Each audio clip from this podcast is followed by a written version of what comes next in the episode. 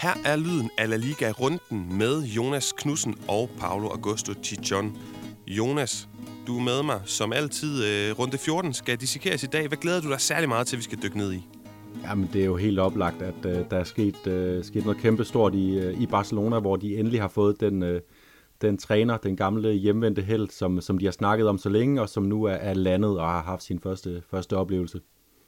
Ja, jeg troede, du skulle sige, at der er sket noget kæmpestort øh, på den valencianske kyst med Elche, der har fyret træner for den Men, øh, men skal vi ikke bare starte egentlig der? Fordi de her runde gennemgang, der plejer du og jeg jo lige at starte med lidt noticier, lidt nyheder. Øh, noget af det, som øh, ikke nødvendigvis sådan helt firkantet og konkret handler om de kampe, der er spillet, men måske mere noget, øh, der, der bygger op til dem, eller er sket i, i det øh, efterspil, der har været efter kampen. Og det er der jo sket, fordi Fran Escobar, han, øh, ja, han er blevet fyret. Han er ikke længere LG-træner. Vi snakker lige sammen. Det må være umiddelbart, tror jeg, fire trænerfyring efter Ronald Koeman også er blevet trænet, eller fyret hedder det, som træner i den her sæson. Indeværende sæson, der er Paco Lopez også i Levante, Koeman selvfølgelig for Barcelona, og sidst, men, øh, men ikke mindst, har vi også som trænerfyring haft den gode Mitchell fra Getafe. Så nu, øh, nu er det blevet Flan Escribas tur. Øh, hvad kan vi sige om, om ham og Elche?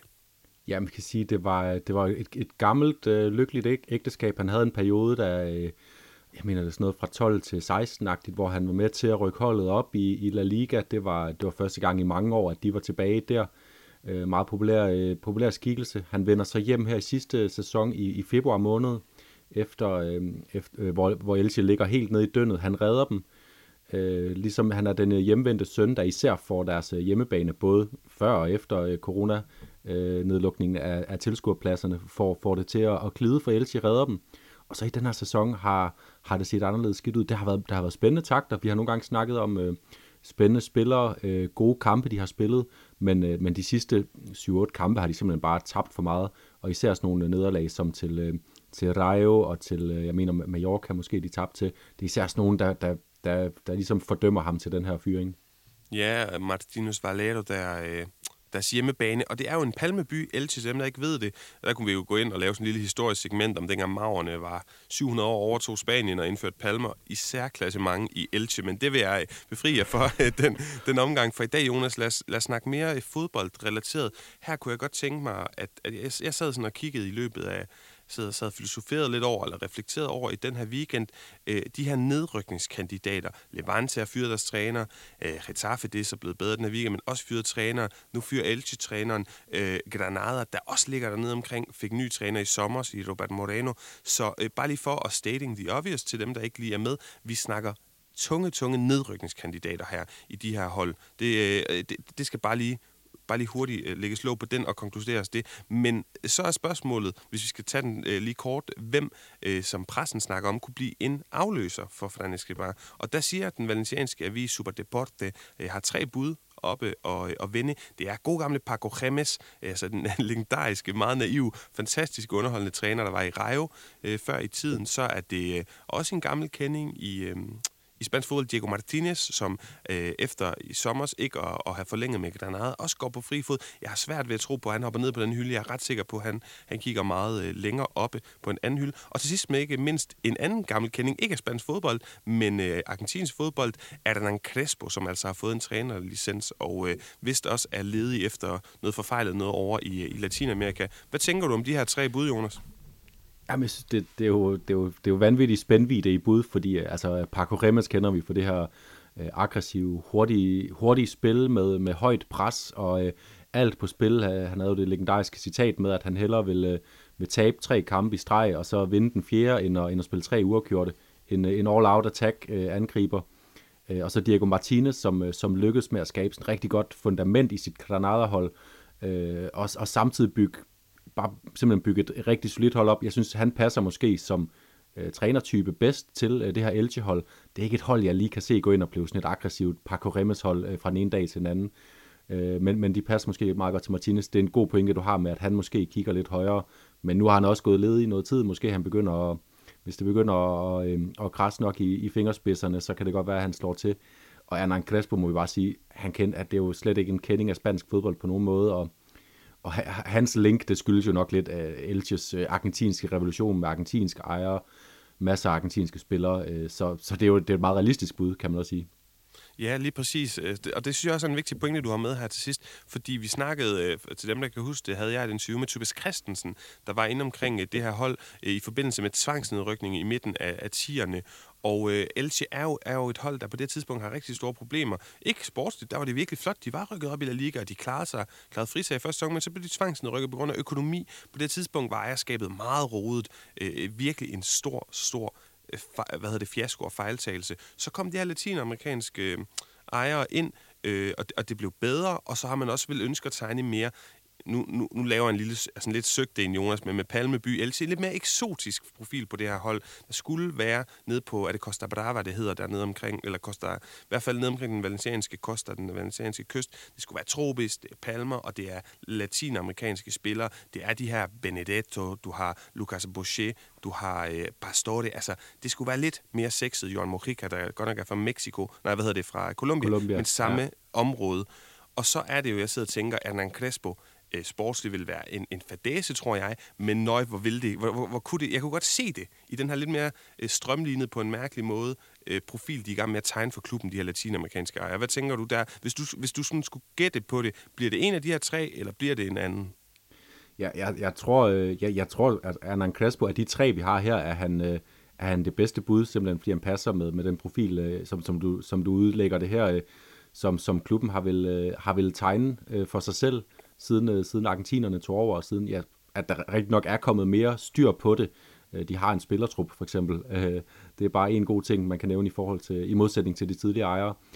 Og så synes jeg også, der var noget i Franes Gribas afsked, der indikerede, at han måske godt vidste, at de vil have et eller andet øh, lidt eksotisk, tage en chance på trænerfronten. Øh, han, han lagde meget væk på, sådan, han sagde, han, han håbede, øh, at præsidenten tog med i overvejelserne alt det, som han havde gjort, altså Franes Gribas havde gjort for den her klub, øh, men han må tage den beslutning, han vil, og så håber jeg bare, at han rammer plet med, øh, min afløser. Og det kunne godt være sådan en lille stikpille til. Det tror jeg ikke, du gør, fordi du, hvis du hiver Hernan Crespo ind, som lige er blevet fyret i Sao Paulo, efter at have været i problemer med dem, øh, været for langt nede i tabellen med sådan en stor brasiliansk klub, øh, så tager du for stor en chance med den, her, med den her klub, som lige er ved at finde lidt fodfæste i La Liga, og som mm. han måske har en idé om, at han godt kunne have reddet det her, fordi øh, ja, de har tabt mange kampe på det seneste. Der var nogle takter i deres spil, der måske gjorde, at over de næste 10-15 kampe kunne de spille sig øh, sådan i, i øh, et eller andet grad væk fra nedrykningsstregen. Så altså, det, ja, det, jeg synes, det er lidt af et sats, virker det til Elche ude i, og og det synes øh, Escribá bare vist også, men det er jo klart, han, er,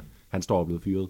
Ja, jeg synes jo heller ikke, at det har set lige så skidt ud, som det for eksempel har med Alaves i mange perioder, med øh, Cadiz, med for eksempel Levante eller Getafe. Mere om det senere, øh, i hvert fald Getafe, der jo lige har fået forløsning i, i runden her, der er gået. Men ja, Jonas, det bliver spændende, og, og det, der irriterer mig, det er, at man ikke snakker om, om øh, Pablo Marcin, for eksempel om Ernesto Valverde. Jeg synes, der er nogle øh, meget mere oplagte kandidater, der vil gøre et meget bedre arbejde på fod lige nu. På, øh, på Kike Setien faktisk, som du også Kike nævnte i forbindelse med Levante, og han er i hvert fald ikke en, der har for fine fornemmelser til at selvom han har været Barcelona-træner, så at tage en tur til Elche. Det er i hvert fald ikke det indtryk, man har, når han sidder og, og snakker om sine dejlige køer på græsmarkerne.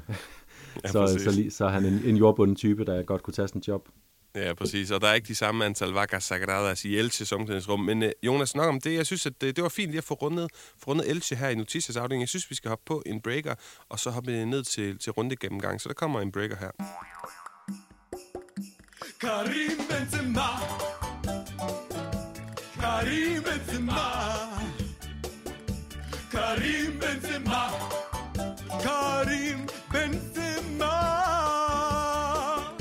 Jonas, runde 14 er, jeg skulle til at sige færdigspillet. Det er den ikke helt. Vi mangler øh, en enkelt kamp øh, i aften mere om den siger, men jeg kommer lige med alle resultater. Fredag aften fik vi sparket runde 14 i gang med Levante Atleti Klub. De kunne desværre ikke øh, varme os herhjemme nordpå med mål. Det blev til en 0-0. Og også uafgjort i første lørdagskamp, Celta Vigo, der havde øh, Villarreal som gæster, den blev 1-1. Sevilla Alaves senere lørdag blev 2-2. Igen et uafgjort resultat, inden at Atletico Madrid vandt 1-0 over Osasuna hjemme i, øh, i Madrid. Barcelona vandt også 1-0 i det katalanske derby af Xavis første kamp, og det var altså sidste kamp lørdag. Søndag, der fik vi Getafe Cadiz 4-0 hold da op, der kom lige pludselig mål i, i, øh, på øh, Coliseum Alfonso Pérez. Det troede jeg ikke, at man havde regnet med, at Kike Sanchez Flores skulle få ind i det her hold, men det kunne han.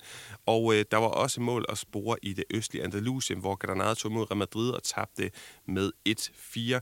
Elche, de tabte også, selvom at, øh, de havde hjemmebanefordel. Det gjorde de mod Betis. Betis, det vinder 3-0 og altså får fyret Fran Escribá. Og så er det altså Sociedad, Valencia 0-0, sidste kamp søndag aften, og altså Rayo Vallecano mod Mallorca, som er mandagskampen, som vi ikke får med, øh, som vi ikke plejer her i de her ikke, runde gennemgang, fordi vi optager dem mandag. Jonas, vi har valgt at lave en lille smule om i, øh, i, i, i runde gennemgangsformatet her omkring, hvordan vi vægter og hvad vi snakker om af kampene. Kan du ikke øh, sætte lytterne lidt ind i, i tankegangen der? Jo, det er for, øh, for at undgå den der slaviske gennemgang af hele weekendens øh, øh, kampprogram, øh, så, så får vi ligesom lige opsummeret resultaterne her i starten, som du lige fint har, fint har gjort, og så, så dykker vi ligesom ned i de kampe, vi, øh, vi, vi mest har bidt mærke i, de, de begivenheder, der har, har fyldt mest i vores øh, bevidsthed, og, og selvfølgelig med, med et øh, relativt fast fokus på, øh, på de tre, som vi øh, lige for tiden i de her år, øh, kan, kan man sige, kategoriseres som, som de tre øh, faste mesterskabskandidater, altså Real Madrid, Atletico og FC Barcelona, og så varierer vi lidt mere, hvad for nogle andre kampe vi dykker ned i. Øh, det eneste, vi kan love, det er, at vi, øh, vi kommer fortsat til at have pointer om, øh, om, om, øh, om alle hold øh, i La Liga øh, hen ad vejen. Måske bare ikke nødvendigvis øh, øh alle hold hver uge. Nej, lige præcis. Og jeg vil sige, at jeg har virkelig nogle gange synes, det var en lille smule urimeligt, at, at vi to skulle holde os vågne en eller anden fredag aften til en ubarmhjertig kamp. Og jeg, så, jeg har ikke set Levante Atletic Klub fredag aften. Jeg brugte ikke min fredag aften på, øh, på den her 0-0, og det er jeg glad for. Og det er også lidt øh, tanken bag det, at vi kan øh, øh bruge vores kræfter der, hvor at, at vi føler, at der er noget på spil, Jonas. Så lad os prøve at hoppe over til dig, og så kan du få lov at flyve os lige derhen i Spanien, du har lyst til i løbet af weekenden, og der, hvor du synes, vi skal starte med at, at snakke ud fra en given kamp. Jamen, så vil, jeg, så vil jeg gerne starte, tror jeg faktisk, i, øh, i Granada, hvor, hvor Real Madrid var på besøg. Øh, fordi det var, øh, det var nok det nærmeste, vi kommer øh, for en af vores, øh, vores mesterskabskandidater på en, øh, en, øh, en dag på kontoret. Øh, de vinder, vinder 4-1 i, øh, i Granada. De får, øh, får en rigtig god øh, start på, på kampen. Kommer foran øh, 0-2 inden for de første 25 20 minutter.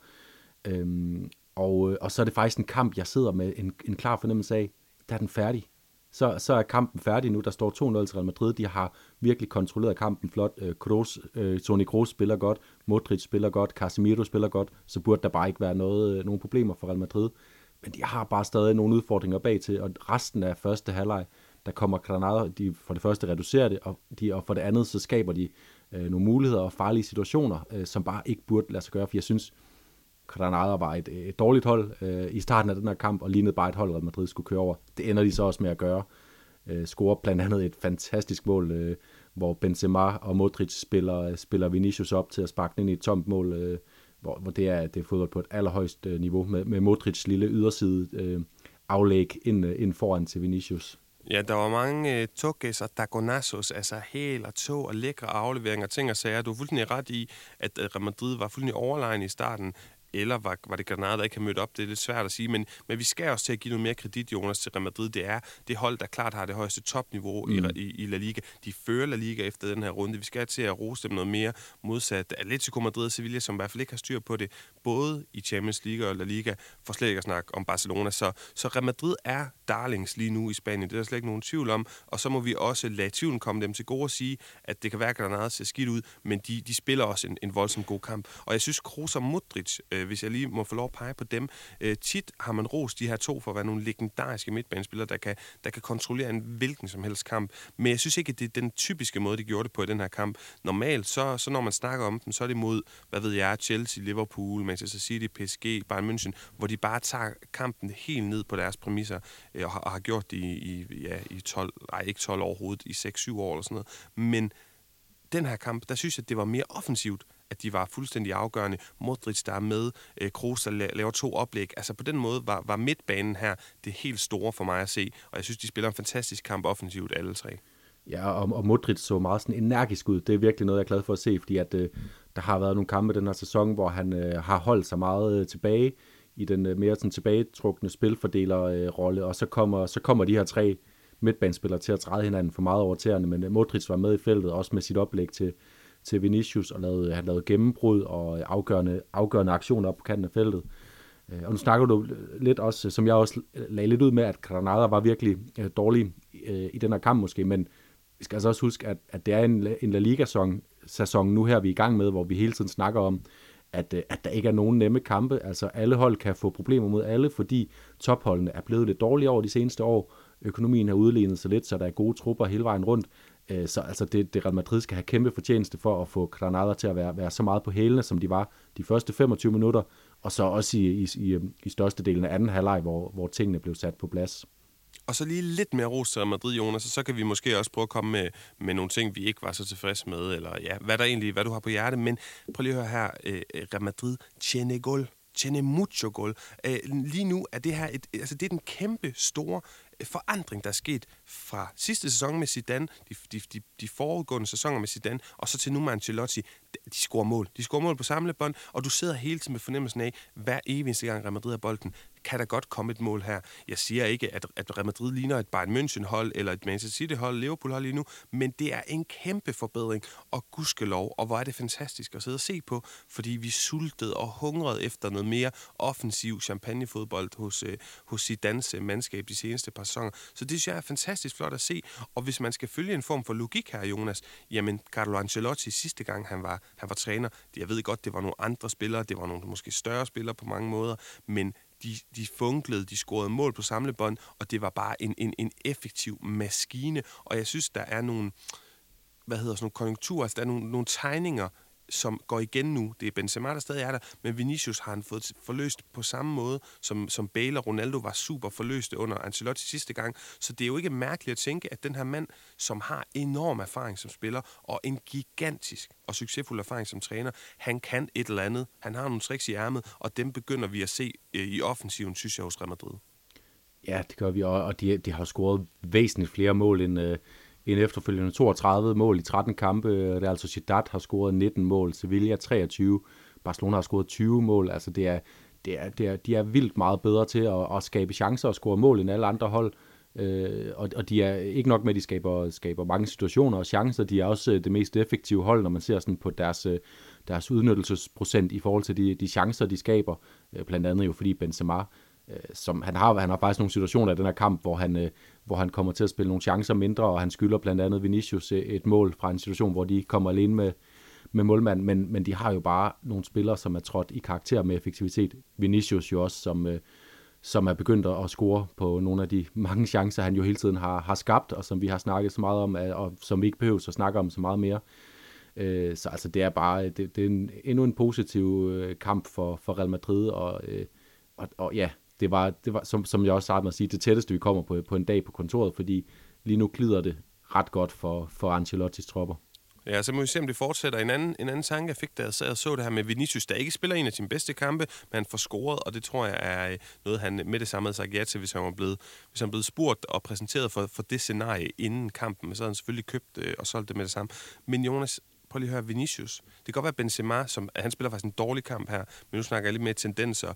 Det vi har, har set af sæsonen indtil videre, har Benzema nok været, jeg tror jeg faktisk uden diskussion, været den bedste spiller i La Liga. Men Vinicius er jo den mest eftertrækket, altså han er den største franchise-spiller i La Liga lige nu. Det er sådan, jeg sidder og tænker det, i forhold til hans alder, i forhold til, hvor sindssygt, øh, hvad hedder det, underholdende han er at sidde og se på, og så også, hvor determinante, hvor, hvor afgørende er for en mål.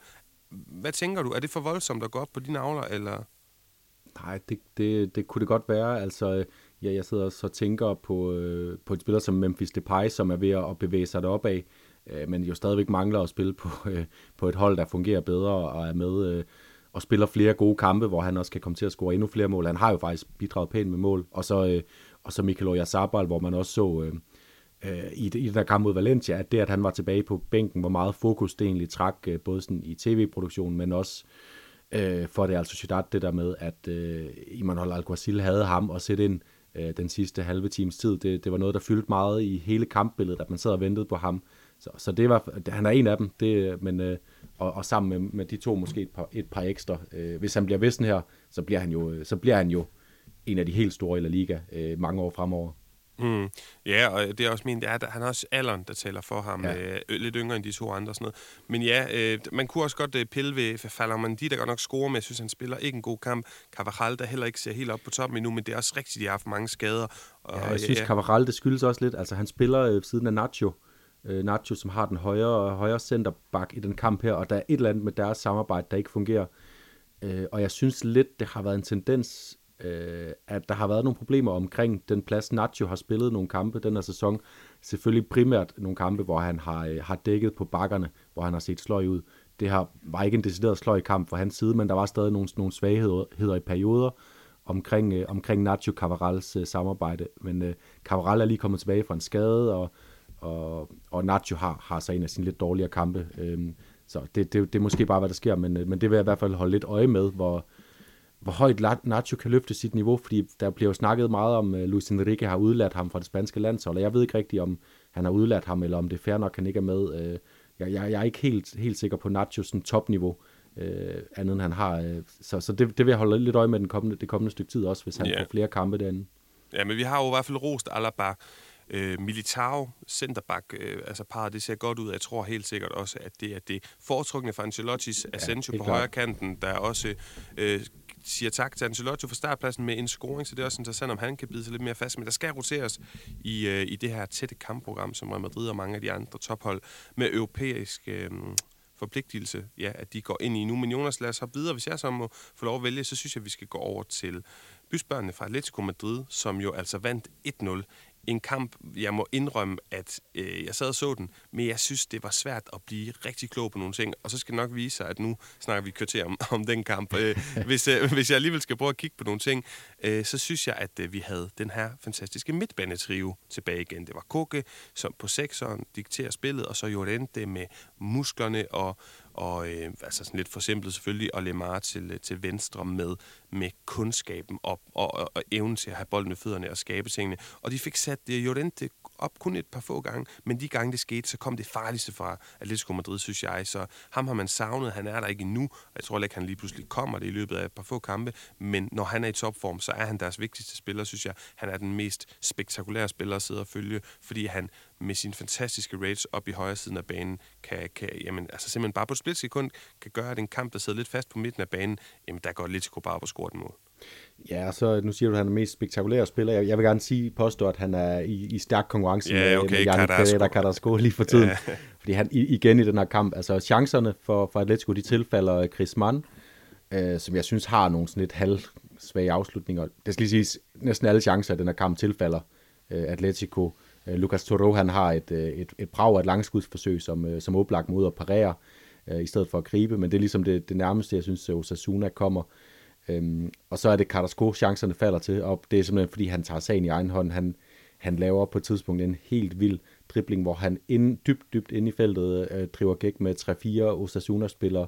Det er øh, så vanvittigt. rundt om sig selv og kommer frem til en afslutning, som er kompetent. Den går i sidenettet, men, øh, men, men det, det, det, han laver nogle helt øh, abnorme ting lige for tiden. Han er, han er i stor form og så er, han, øh, så er han altså en af de mest spændende spillere. Ja, men det er øh, rigtigt. Det er, det, jeg prøver lige at høre, at du har, du har fuldstændig ret. Men jeg tror også, jeg tror ikke, vi er uenige her. Det må vi jo godt være, det der er slet ikke noget problem. Men jeg tror ikke, vi er uenige i spektakulær i forhold til sin, sin, sin en, altså, tekniske egenskaber. Det er jo og netop også den der dribling, der havde tænkt, den der kommer vi til at snakke om i podcasten, fordi ja. den, den har vi begge to siddet og kigget på og tænkt, hold da op, især, hvad hedder det, pirouetten, rouletten der, eller hvad han laver. Altså det, det er fantastisk, øh, og, og det går så hurtigt i, i sådan en vild situation. Men øh, flot overblik af ham, og så jo det der jo mere... Det, det er sådan, jeg føler mere, at når kampen stagnerer lidt, at han kan, kan gøre nogle ting der. Så øh, fedt for dem, at de er tilbage. Fedt, at Felipe får scoret det her mål. Da tingene begynder at se kompliceret ud, og der mangler en, en 5-10 minutter. Der, jeg tror, det var i noget af 80. minut. Øh, hvad ellers, Jonas? Altså, jeg synes, den her Correa Griezmann angrebskonstellation, jeg synes bare ikke, det spiller. Det må, det må jeg simpelthen bare være ærlig og, og sige. Og jeg har det sådan, øh, at for mig er det for at være sådan lidt gammeldags og kedelig. Jeg er heller ikke god til at være innovativ og nytænkende omkring det taktiske. Men øh, for mig er der en nueve puro, altså en, en, en, en fast angriber, en nier, og så kan du have en af de her typer bagved. Du kan have en Correa bagved, en Griezmann bagved, en Joao Felix bagved. Men jeg synes ikke, at nogen af dem skal op og spille fast nier. Jeg synes ikke, det fungerer for dem. Og hvis ikke, at, at Suarez er klar, så forstår jeg ikke, hvorfor Mateus Cunha ikke spiller den. Jeg ved godt, at han har været, været med Brasilien og startet ind i deres kamp nogle dage før. Men prøv lige at høre her. Man har stort set ikke spillet. Han har Chupar Banquillo, som vi snakker om sidst, mm. har siddet på den bænk nærmest hele sæsonen siden sit skifte. Så ja, det er sådan min tanke om den der angrebskonstellation. Ja, det er jo også, vi snakker jo om Atleticos angrebskonstellation hver gang, og det, det, det kan være et sundhedstegn, hvis, hvis, der, hvis der man har fire spillere i truppen, der scorer hver gang de kommer på banen. Men det har de jo ikke helt, Atletico. Det er Suarez, der er den eneste rigtig garant for mål. Chris Mann havde en god periode lige inden landskampspausen. Men, øh, men som jeg startede med at sige, han havde nogle, nogle lidt svage afslutninger i den her kamp. Øh, og der, der er en god situation, hvor, hvor Chris Mann kommer ind som ni, og der hvor netop Correa øh, chipper den ind til øh, Marcos Llorente i medløb, og han flot finder øh, Chris Mann øh, bagud i feltet. Eller også er det faktisk Carrasco, der afslutter der, nu kommer jeg helt i tvivl. Men det er i hvert fald det tætteste, vi kommer på sådan en rigtig nier afslutningssituation i den her kamp for Atletico. Øh, og det er jo bare der, de er bedst til at score deres mål, altså inde i feltet, indlæg. Øh, Luis Suarez, der kan opsnappe øh, afleveringer og, og sparke dem ind. Øh, Øh, og så er det jo bare, at de må ty til, øh, hvilket jeg også synes er, er lidt fantastisk ved, ved den måde, de vinder den her kamp på, at det er Atletico, som vi kendte dem, ikke for 1, 2, 3, men måske mere 4-5 år siden. En midterforsvar, der stiger op. Vi kan huske, at Diego Godin, Miranda gør det igen og igen. Øh, nu er det Felipe den her gang i, i 87. minut. Og, øh, og, og så er det sådan, at jeg spørger mig selv, skal man så være bekymret over, at Atletico ikke vinder den her kamp mere suverænt? Øh, og det vil jeg måske være med alle andre tophold. Ja, nu skal vi se at snakke om Barcelona lige om lidt. Der er stadig nogle bekymringspunkter. Men Atletico, de, de skal have de her kampe i løbet af en mm. sæson, hvis de skal, hvis de skal blande sig øh, i mesterskabskampen. Og det har de haft alle sæsoner øh, med Simeone ved roret, og det er noget, de, det er nærmest som om det er kalkuleret, at de ved, at de kommer til at score på et eller andet situation i, øh, til sidst i kampen.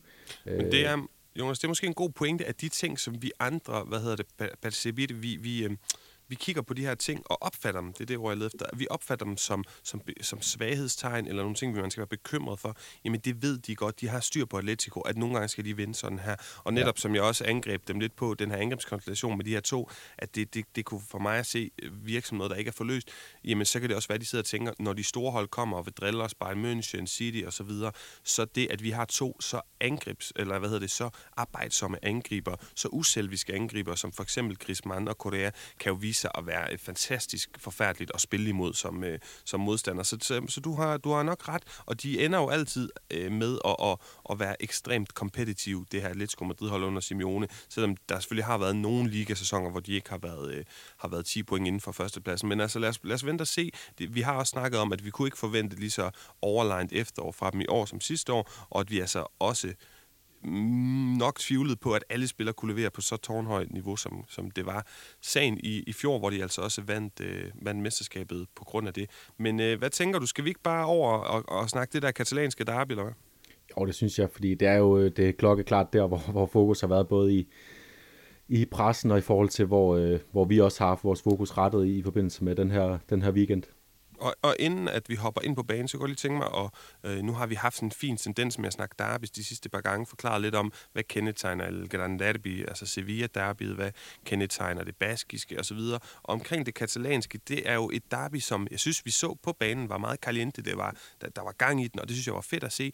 Øh, men det er et interessant derby, fordi det er to katalanske klubber, der identificerer sig ekstremt meget på katalansk, med sproget, med symbolikken, mange katalanske spillere på klubben, gode kandidater, altså gode ungdomsafleveringer, eller ungdomsakademier, men den store forskel, det er, at FC Barcelona, de ikke identificerer sig som noget inden for Spanien, og det gør Real Club de Espanyol, som, som er, øh, hvad hedder det, kronet øh, og identificerer sig med det spanske kongehus og de her ting. Øh, Espanyol har ikke noget problem med at være en katalansk klub i Spanien, og det er sådan der, den store forskel er rent sportsligt, er rivaliseringen ret fed, fordi den er inden for samme by, men øh, sportsligt har de jo aldrig været på samme niveau rigtigt, de her to klubber. Det er måske det eneste, der gør, at den, det her derby halter lidt. Vi har set Piquet med nogle ret polemiske, øh, rabiale udtryk de seneste par år, hvor han siger, at han kalder dem Espanyol de Cornea, øh, med reference til det område, de kommer fra i byen Cornea, og siger, at det er ikke Barcelona by.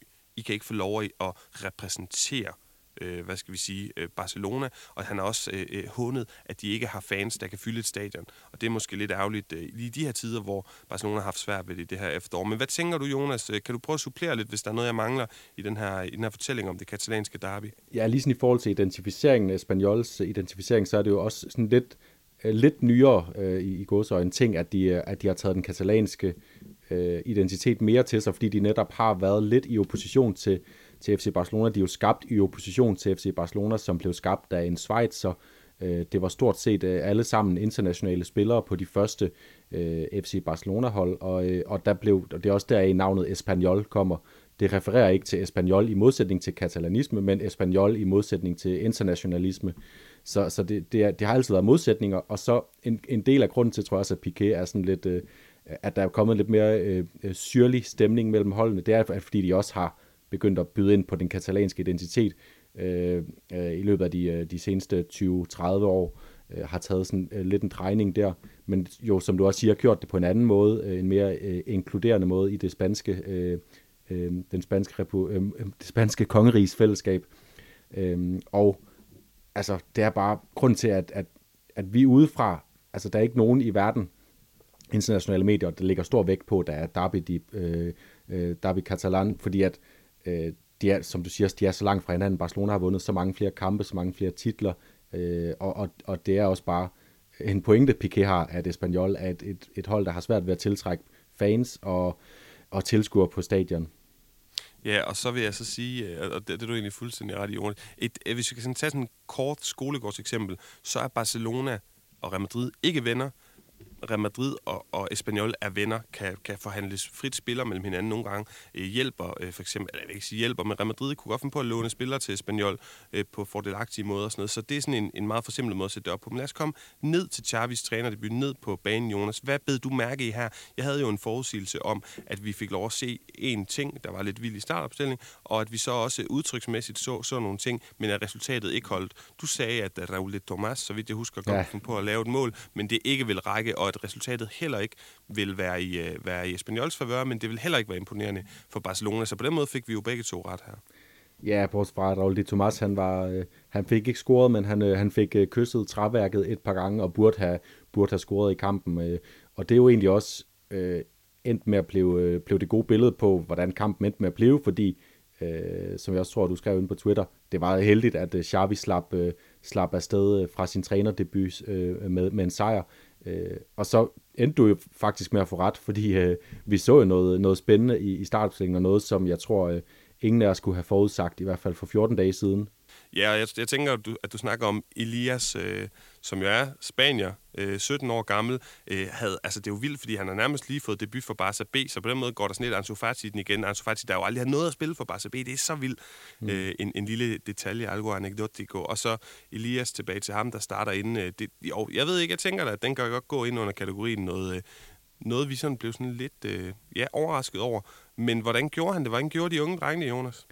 Jamen, øh, altså jeg synes jo, de gjorde det udmærket. De var nogle, nogle spillere, som Xavi havde valgt øh, af nogle helt konkrete øh, sådan, øh, tekniske årsager. Altså han øh, snakkede om på pressemødet bagefter, at han, øh, han gerne vil have, øh, han vil gerne have nogle kantspillere, som, øh, som udfordrer øh, direkte, når de har bolden. De står bredt, udfordrer deres mand, går udenom dem, og, og på den måde øh, gør, at når FC Barcelona de trykker øh, spillet højt op, så kender vi jo den her problematik med, at der står mange forsvarsspillere mellem, øh, mellem målmanden og bolden, selvom Barcelona står langt fremme på banen, øh, at så, så vil han gerne have de her dåseåbnere, som kan, som kan sætte en eller to mand og gøre, at der bliver noget, noget plads til at spille sig frem til chancerne. Lige præcis det sidste med at spille sig frem til chancerne, det synes jeg, jo, øh, Abde, som, som jo er den anden, øh, den anden øh, debut, eller han er, ikke, han er faktisk ikke debutant, men den anden, som ligesom øh, faldt lidt i øjnene. Han, han afløste jo Elias øh, efter øh, til anden halvleg øh, og kom ind og spillede på den samme position, og han, han kom frem til nogle chancer. Elias havde nogle gode, øh, gode udfordringer osv., men, men det blev aldrig rigtigt til, til chancer for ham. Øh, Øh, men, men alt i alt så efterlod de et indtryk af at være nogle spændende spillere. Øh, endnu et kul spændende spillere øh, for FC Barcelona. Men jo altså også størstedelen, når man sidder og kigger ned, Erik Garcia, Nico, Oscar Mingueza, alle de her spillere, det er jo folk, som, øh, som, som det er jo, det er jo Komans merit, det må jeg bare sige, at de er frem. Ja. Øh, jeg synes faktisk, hvis jeg bare lige sådan kort personligt skal fremhæve en, en Nico, jeg synes ikke, man snakker nok om ham, fordi der, der er sådan mere fysik, han er mindre typisk Barcelona-produkt end for eksempel Gavi, Pedri og så videre. Men nøj, jeg synes, han er en klassespiller, ham der. Øh, men, men ja, ja, hvis jeg lige må, må her tilføje, jeg, jeg, jeg læste lige, at øh, en, en ret vild statistik, synes jeg. Altså hvis man lige nævner øh, nogle spillere her, Pedri, Erik Garcia, Satinho Dest, Ansu Fati, Gavi, øh, Elias Abde, øh, Keita Balde og Yusuf Demir. Det er, det er 10 spillere, øh, som er under 21 år gamle, og som har spillet for FC Barcelona den her sæson. Det er kun, øh, det er kun Saint-Etienne og øh, Stade Rennes i Frankrig, i de fem europæiske, store europæiske ligaer, som har haft flere U21-spillere i aktion den her sæson. Og øh, derudover så har Barcelona også haft øh, øh, Ricky Puig, som er 22, Oscar Mingueza, som er 22, og Ronald Araujo, som er 22 på banen. Så det er virkelig det er bemærkelsesværdigt. Øh, det, er, det er, jeg kan godt begynde at tale om en ungdomsrevolution i, i det her FC Barcelona-hold. Ja, men hvor kommer revolutionen fra, Jonas? Og jeg er fuldstændig enig, men det skal vi bare huske at gøre opmærksom på. Det her det er jo ikke et udtryk for, at spillerne er gode. Det er de. Det er de. Det skal vi huske at sige. De ser rigtig gode spændende ud, men det er ikke derfor, de spiller lige nu. Det er fordi Barcelona er i en fuldstændig kummerlig situation, hvor at det handler ikke om at spille sig på holdet. Det handler om, hvem kan vi, hvem kan vi simpelthen tage op? Altså, hvilken kandspiller har vi på B-holdet? Fordi vi har ikke nogen på første holdet. Og, og det er altså bare lige vigtigt at sige, at det, det kan man godt sige, det er sådan, det er. Det er faktuelt sådan, situationen er. Og så samtidig være imponeret over, hvad de leverer de her unge mennesker. Øh, og, og jeg synes, jeg sad og, da jeg sad og så Real Madrid, bare lige for at danne en bror til dem, der, der skaber så mange chancer, der er så farlige foran mål, og kunne have scoret meget mere end fire mål i deres kamp mod Granada.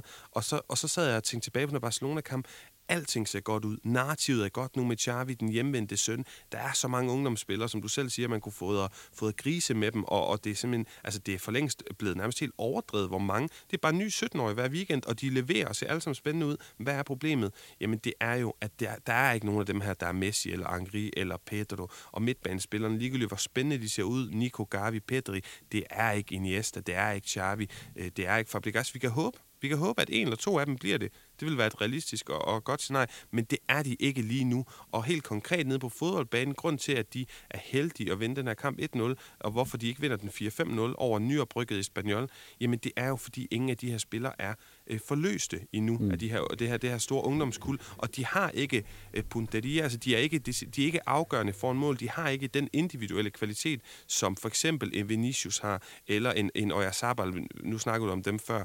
Det, det er sådan, jeg har det, Jonas. Øh, jeg synes stadigvæk, det er sindssygt spændende at se. Det er mega imponerende, og får han tålmodighed nok, Xavi, så kan det blive skræmmende at se de her unge spillere, når de er 20-21 år og spillet 3-4 år sammen, øh, alle sammen om et par år.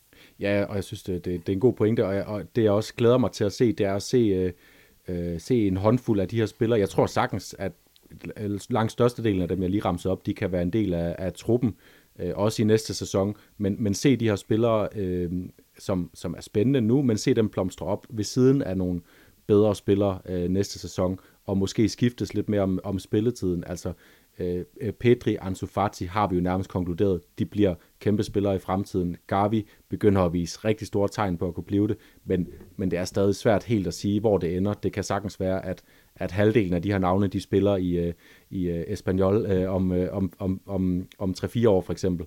Men, men det får vi at se. Et andet buzzword, du lige nævnte i din, i din talestrøm lige før, det var, det var narrativet både omkring de unge spillere, men også omkring hele den her kamp, vi, vi sidder og, og, og snakker om. Øh, der har været utrolig positiv stemning omkring FC Barcelonas øh, præstation i, i Xavis debut her øh, på, i medierne bagefter, hvor de har snakket om, at øh, vi så et helt andet udtryk, vi så et helt andet Barcelona, vi så tegningerne til Xavis Barcelona. Jeg synes, det, jeg synes virkelig, det er, det er meget positive hat at have på, og jeg synes, det lugter lidt, ud, lidt af, at folk virkelig har haft lyst til at fortælle den her øh, fortælle den her historie på forhånd, og så har man bare presset den igennem, uagtet at, at kampen viste måske nogle lidt andre ting. Ja, jeg tror, at Barcelona-eksperten i Carusel Deportivo, han, han sagde det sådan, at primer tiempo de Xavi, el segundo de Coman. Altså, så jeg er fuldstændig enig med dig, Jonas, og det er han jo så også. Ja, og selv i første halvleg, der, der skabte Barcelona jo ikke mange chancer, synes jeg. Altså, de, de, der var øh, det positive, der skete, øh, og som virkede som en forandring i forhold til, til Ronald Koeman, øh, øh, altså kampen for 14 dage siden, øh, inden han blev fyret. Øh, ja, eller det var længere tid siden, men, men kampene under Ronald Koeman, øh, det var øh, altså intensiteten i øh, FC Barcelona-spillernes løbemønster, både når de øh, havde bolden, og så også deres, øh, deres presspil, som igen begyndte at ligne noget. Øh, jeg synes så for eksempel, at, øh, at den første halvleg, den var ikke bedre end, øh, end Barcelonas første kamp i sæsonen, hvor de vinder 4-2 hjemme over det, altså Ciudad, hvor jeg synes, de så super tændte og klar ud, og netop gode til presspillet, til at holde bolden op på modstanderens banehalvdel. Så jeg synes, man skal virkelig passe på med at, at, at kalde øh, øh sådan en øh, endegyldig Xavi-revolution, der har fundet sted på baggrund af den her kamp, måske også på baggrund af næste kamp. Og noget, der også blev, blev lagt væk på, det var, øh, de var gode til at holde fast i bolden op på modstanders banehalvdel. Jeg, jeg sad lige og undersøgte, de havde 65 procent af bolden, øh, boldbesiddelsen i kampen. Det er faktisk præcis det gennemsnit, FC Barcelona har haft indtil videre den her sæson. så, så det er ikke noget nyt. Det havde de også under Ronald Koeman. De havde nogle kampe, for eksempel den mod Granada, hvor de lagde mange indlæg og ikke havde bolden så meget. Men øh, overordnet set, så, så var det stadigvæk det Barcelona, vi, vi har kendt. Øh, havde bolden, svært ved at skabe chancer, var stærkt udfordret i det, i det defensive spil, må vi også bare sige. Eric Garcia og Piquet blev, øh, blev overløbet dernede, og Oscar Mingueza spillede en frygtelig kamp, synes jeg, på, på den højre bak, han har så svært ved at spille på, øh, og ja, blev og... altså overløbet igen og igen.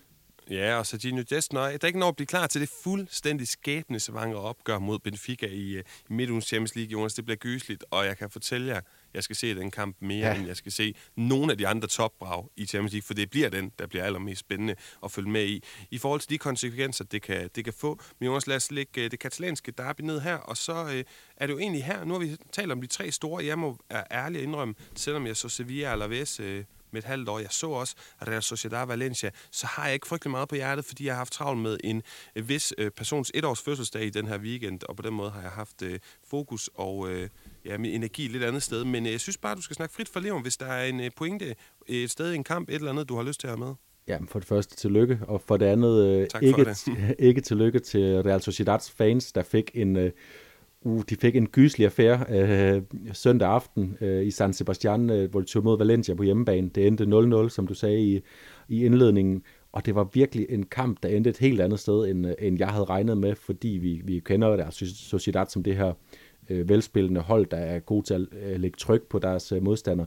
Det gjorde de også i perioder. Valencia var trykket langt tilbage, men øh, Bordalas havde virkelig fået sat sit hold op til at og, øh, og ødelægge Real Sociedads spil. Altså vi snakker om et hold, der, der øh, Real Sociedad, som er begyndt at øjne deres chance i mesterskabskamp, og man kunne se det, de var animeret. Michael Oyarzabal var animeret ude på bænken til at, at støtte op om sin holdkammeraters bestræbelser inde på banen, men øh, Valencia gik bare benhårdt til dem, altså de, og, og dommeren lagde sig også en linje i den kamp, der gjorde, at Valencia spiller fik lov at gå hårdt til Real Sociedad-spillerne og kyse dem, uden at der blev dømt frispark, øh, så det talte helt klart også til Valencias fordel, og derfor ender det også 0-0, og ovenikøbet i får Real Sociedad viste øh, Arita Lustondo ud, som også er noget, der kommer til at ramme ramme dem i, øh, i, i de næste par kampe, en vigtig mand for dem. Så altså, det er lidt øh, et gok i nøden for Real Sociedad, selvom de stadig var, var det bedste hold, skabte de største chancer i, i kampen det jeg egentlig tog med mig fra den her, øh, den her kamp, Jonas, og jeg synes faktisk, det er ret interessant, det er, at vi har snakket om det her med, en ting er, at de har ført La Liga de sidste mange runder,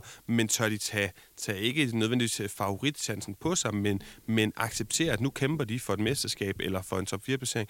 Og det synes jeg i attitude, nu er vi jo begge to kan med, og humanister kan godt lide at, at fortolke lidt på nogle, nogle symbolikker en gang imellem. Jeg synes, der var noget symbolik og noget, noget fornemmelse over det opgør. Netop det med Ilustondo, der får rødt kort, og, og hvordan at, at der var en fornemmelse på stadion og Real Arena, måden det, det kogte og syd på, og Bordalas tropper, der bare var inde og, og forpur det hele, som de skal have lov til. Det skal de jo have lov til, sådan er fodbold, det må man jo godt.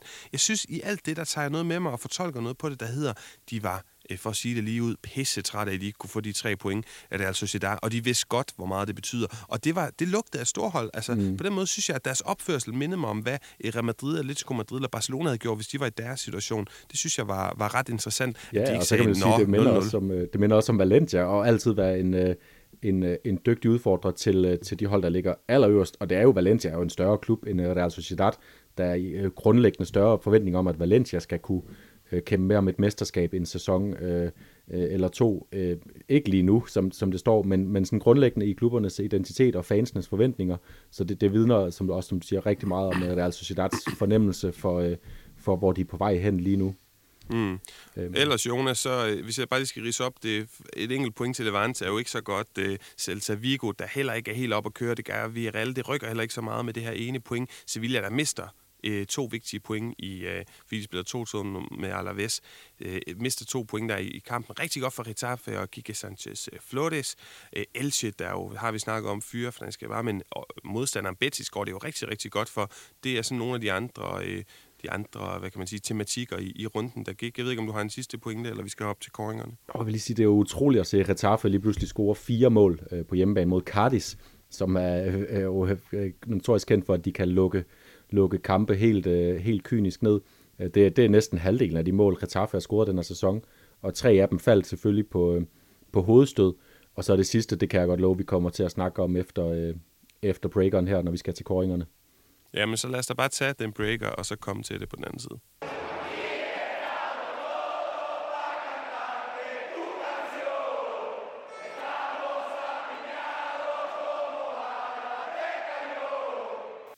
Jonas Knudsen, øh, selv udnævnt, eller også har jeg udnævnt dig. En af os to har udnævnt dig til at være æstetisk ekspert her på, øh, på kanalen, på programmet. Og alt det, der er så, den vilde detalje, er jo tit synonym med æstetik. Hvad har du haft kig på i øh, runden, der gik? Jamen, så hopper jeg da bare til det, jeg lagde op til øh, inden breakeren, for at ligesom imødekomme lytternes øh, øh, nysgerrighed, som jeg har flot bygget op med suspense. Øh, Jaime Mata, han scorer et fantastisk øh, mål, et ligegyldigt mål til 4-0, men øh, han får en, øh, en aflevering, øh, høj aflevering hen over sin egen højre skulder, ude i højre side af feltet. Med sin højre fod, der øh, træffer han bolden første gang en helflugter øh, over, i modsat, over ved modsatte stolpe øh, og ind i buret. Det er øh, sådan et Van Persie-agtigt øh, øh, øh, flugtermål i medløb. Øh, fantastisk detalje af, af den gavede måltyv. Og ellers så må jeg sige, det der Real Madrid-mål, jeg snakkede om til 1-3, hvor at øh, Benzema spiller ned til Modric, der lige med ydersiden chatter den hen til Vinicius ind i tom mål. Det var sådan indendørs øh, mål på, på et, et højt niveau, og hvor at Real Madrid bare viste deres enorme klasse.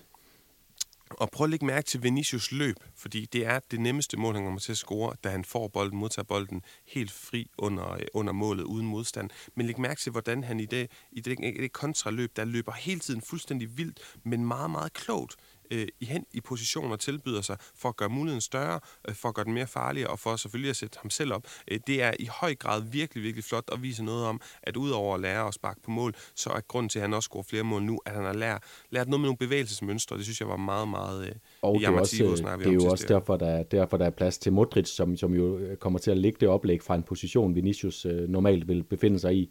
Så, øh, så rigtig stor ro sammen. Også lige skal jeg nævne Fekir, der scorer et, øh, et sådan, uh, Ronaldo-mål, altså den brasilianske Ronaldo med en, uh, med en tog-afslutning, uh, sådan helt uh, overlined, og selvfølgelig har han bare stoneface og uh, stoneface-jubel bagefter, uh, som den uh, overlegne uh, type, han også uh, kan, kan forekomme som, men det var jo også bare et overlegnet mål, så fair play til det. Jeg synes, at Raime Matas, Raime Matas uh, han får prisen af mig, fordi at, uh, uh, det er også lidt sjældent, at han byder ind på den simpelthen. Ja, jamen, vi giver den til Jaime, Jaime Mata. Og så videre til El Hugon. Og øh, vi har jo snakket om, Jonas, dengang vi skabte det her program og skulle have de her priser. El Hugon, det er, det er jo typisk en spiller som for eksempel Nabil Fekir. Altså, det er en lækker spiller, en offensiv spiller. Og alligevel så har jeg både haft kig på Casemiro, som både skaber øh, 1-3 og 1-4-målet øh, mod Granada, og så også Nico, Nico fra Barcelona. Jeg synes, det er nogle defensive midtbanespillere, som vi bare ikke må glemme, hvor vigtigt det er i fodbold. Øh, så stor presence de har, Nico og, og også Frenkie de Jong. Bare lige for at sige en ting, vi ikke fik snakket om med Barcelona, der jo, øh, det var en helt ny ting i, i måden at spille fodbold på under Xavi. De havde simpelthen ikke bolden, de to otter. Det var konstant, de skulle true med løb i dybden og fylde op i feltet, når for eksempel Memphis øh, vandrede ud på siderne eller ned i banen. Det var også meget interessant og en ny ting. Men ja, for at gå tilbage til Rugon, jeg synes, at både Nico og, og Casemiro spiller fantastiske kampe, øh, og jeg er blevet helt vild med ham, Nico, her. Jeg kunne godt have lyst til at give den, give den til ham. Hvem har du kigget på? Jamen, det, kunne, det kunne jeg godt komme med på også, netop fordi det var øh, interessant. Øh, Frankie de Jong lagde ligesom for land med at lykkes med det nogle gange, skaber en chance til Depay med en, med en baghætter. Og Nico fulgte så op øh, i fodbold. Man kan også se, at Busquets hele tiden dirigerede ham øh, kom, kom ud af mit område, kom frem med dig, så vi kan, kan skabe noget. øhm, jeg har også, jeg har, jeg har også tænkt meget på, på Luka Modric og, og Toni Kroos. Altså, der er jo hele den midtbane fra Madrid, vi snakkede om i, i runde gennemgangen, øh, spillet fremragende. Øhm, men øh, hvis du også har haft Casemiro med i overvejelserne, og jeg ligesom havde de tre, så synes jeg godt, vi kan give den til ham, også fordi øh, jeg har været lidt efter Casemiro den her sæsonstart. Jeg, øh, jeg fik også, tror jeg, lige modereret det til at sige, at det kan også godt være, at han bare er den her klassiske storspiller, som har meget erfaring på banen, mange titler på banen, som lige øh, bruger de første par runder på at spille sig i gang. Det ser det ud til, at han er bare oppe på sit, øh, sit topniveau, og den her kamp var han, var han fantastisk, fantastisk spillende, både, både defensivt og især faktisk jo offensivt. Ja, lige præcis. Altså, det vægtede pasning op til i højre siden til Benzema i forbindelse med 3 og altså også, øh, hvor han bare spiller, at det falder man de fuldstændig fri til 4 Meget flot øh, oplæg. Men Jonas, øh, det, var, det var de to, og så er det jo til Douglas Dani Alves skalaen. Og øh, det er for et par, et, for et par udsendelser siden, der lød du meget gammel, øh, da du sagde, at Antoine Griezmanns dans, det gad du simpelthen ikke se på. Og, og nu, vil jeg, øh, nu vil jeg join dig på plejehjemmet. Jeg vil sige, Gavi, der ikke binder sin snørbund, det gider jeg simpelthen ikke se på det er simpelthen blevet for gammel til at se på. Han er en klasse spiller. Jeg savler, når jeg ser ham med sit lave tyngdepunkt og sådan noget. Men bind nu snørebåndene. Altså, hvad er det for... en... Det er jo fuldstændig hovedløst ikke at binde sin snørbånd. Og jeg bliver faktisk sur. Jeg er virkelig, virkelig sur, når jeg ser ham. Og jeg kan ikke forstå, at, den, at, at hans træner ikke siger, ved du hvad, det gider jeg ikke se på. Bind dit snørbånd, eller køb nogle fodboldstøvler, hvor at, at, at der ikke er snørbånd på. Jeg, jeg bliver virkelig sur over det der. Det må jeg indrømme. Åh oh ja, øh, det, øh, det bliver hårdt for, apropos et års fødselsdag, når, når, når du skal til at, at finde snørbånd. Det bliver, det bliver stringent snørbåndsregime. Jamen, hvad øh, tænker du? Altså, må han godt jamen, jeg, bare jeg sådan... forstår det ikke helt, fordi det, det er jo noget, vi har set. Altså, Maradona gjorde det jo øh, til tider, øh, spillet med de der øh, snørbånd åbne. Øh, husk, Claus Berggren har fortalt øh, i en udsendelse, at han løb øh, en helt på et tidspunkt og spillede øh, 80 minutter mod Maradona på øh, nede i, i Napoli, og efter 80 minutter kigger han lige pludselig ned og opdager, at han har spillet hele kampen, uden at have bundet sin snørbånd.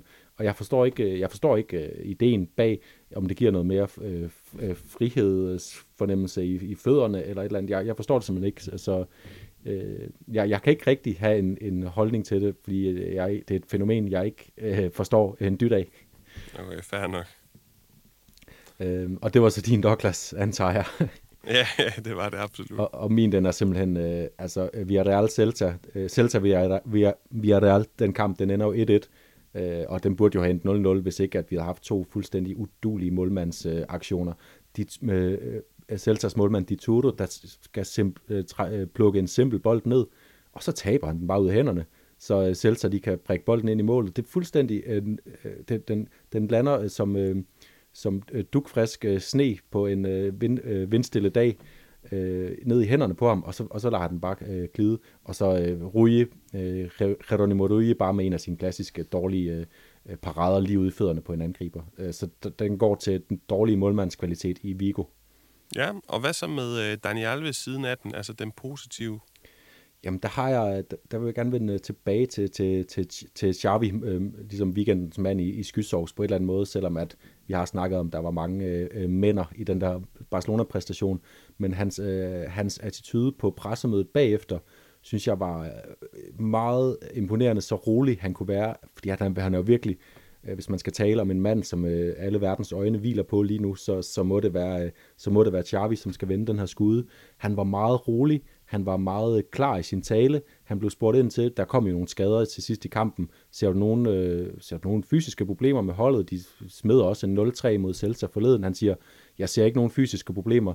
Jeg ser problemer i interpretation.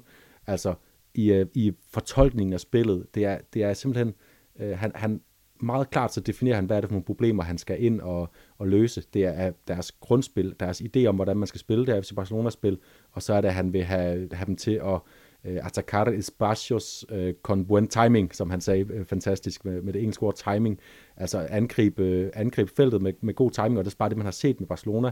De kan godt vinde bolden langt op på modstanderens banehalvdel, men de har simpelthen svært ved at få spillet til at flyde, når de nærmer sig feltet. Øh, og det der med, øh, med, med at fortolke spillet rigtigt, eller mærke til, at det er 92. minut, der spillede den gamle rev Alba en bold helt tilbage til, til Marc-André Ter Stegen, og i gamle dage, der var, der var fire minutter tilbage af overtiden, så ville man tænke, dengang Xavi spillede, der var kampen slut. Nu holder Barcelona bolden i fire minutter, og så fløjter dommeren af. Her der gik syv sekunder, så havde, så havde en af de unge gutter øh, formøblet øh, bolden til en, øh, til en espanjolspiller, som var ved at bryde igennem og, og, og få sig en chance til allersidst. Så det fortæller bare alt om, om, om, om Xavis problemer, og at han virkede så klar i hans analyse af tingene, og så rolig i, øh, i hans vurdering af, af begivenheden. Det, det, det synes jeg tydeligt godt for, Øh, Øh, at de i hvert fald har fået en mand, der ved, hvad han ved, vil ind på, øh, på trænersædet i Barcelona. Mm, jamen fedt. Min går til uh, Getafe og Gigi Santeflores, fordi øh, nu har vi snakket om de her ting med trænerkabaler og fyringer osv., og, og man vil gerne se en reaktion, og den er lidt kommet nu med Getafe, der har vundet et par kampe i løbet af de sidste par, øh, par runder, og øh, vi, jeg tror, vi var ærlige omkring det. Jeg havde, jeg havde hellere set Levante få succes. Oscar Granada rigtig meget under, under Roberto Moreno, kvæg min fortid i, i byen. Der er flere hold, jeg ser foran øh, hvad hedder det, Getafe, men i det mindste bare det faktum, at Getafe, at der kommer en reaktion, synes jeg er, er super fedt Men Jonas, øh, med det er vi jo nået næsten til vejs ende. Vi mangler lige et enkelt punkt, og det er forudsigelse frem mod kommende La Liga-runde. Hvad har du haft øh, i kigger her? Jamen, jeg har jo den, øh, den helt store kamp den weekend, øh, må siges, at der er nogle store, via Real Barcelona, kunne man også nævne, men øh, Real Madrid-Sevilla øh, om, øh, om søndagen, så vidt jeg lige kan huske, de spiller, øh, der tror jeg simpelthen, Real Madrid, de går ud og, øh, og, og ikke, måske giver det ikke Sevilla en fodboldlektion, men jeg tror godt, de kan komme til at vinde den kamp øh, sådan relativt øh, kontundente, rimelig øh, kom- komfortabelt øh, med et par mål eller tre, øh, fordi jeg synes, de er, de er vidt forskellige steder. Det var meget skuffende kamp for Sevilla, Real Madrid, som du siger, Tierne Gol, altså de, de, øh, de skaber bare øh, de skaber chancer og situationer, så jeg, jeg tror godt, det kan blive øh, problematisk aften for Sevilla ved du hvad, jeg, jeg er fuldstændig enig. Og det sjove er, at havde det her været på Santi Pizjuan, så tror jeg, at Madrid tabt. De har en mærkelig historik dernede, og der er nogle, nogle, på den måde er der nogle sjove dynamikker i spansk fodbold, øh, udebane kontra hjemmebane. Der skal man altså ikke kime af. Altså, altså, der er bare nogle, nogle ting i forhold til, øh, til vægten, øh, altså hvorhen på, på vægtstangen øh, tipper de her ting hen, og det har måske også noget, det kan vi snakke en anden gang om, hvordan i spansk fodbold er det ikke øh, så yndet, det er ikke så populært, det er ikke så normalt at rejse som udebanefans. Men anyhow, Jonas, vi har begge to kigget på Real Madrid. Sevilla, du tror, de vinder med et par mål. Jeg tror også, øh, Real Madrid vinder. Men jeg tror, det bliver en mere øh, kedelig affære, mere kontrolleret affære. Det kunne godt blive øh, Øh, 1-2-0, og så tror jeg, at den afgørende mand i Skysovs igen, efter en rigtig dårlig runde, øh, kamp i den her runde mod Granada, bliver igen Karim Benzema. Så der er meget at, øh, at se frem til. Men jeg tror egentlig bare, at jeg vil lukke den ned her for Jonas. Vi fik uh, snakket igennem runde 14, og vi er tilbage igen med runde 15 eller Liga næste mandag. Indtil da, så må I hygge jer se en masse spansk fodbold i Champions League og i uh, Europa League, og så uh, snakkes vi ved. Så tak fordi I lyttede med.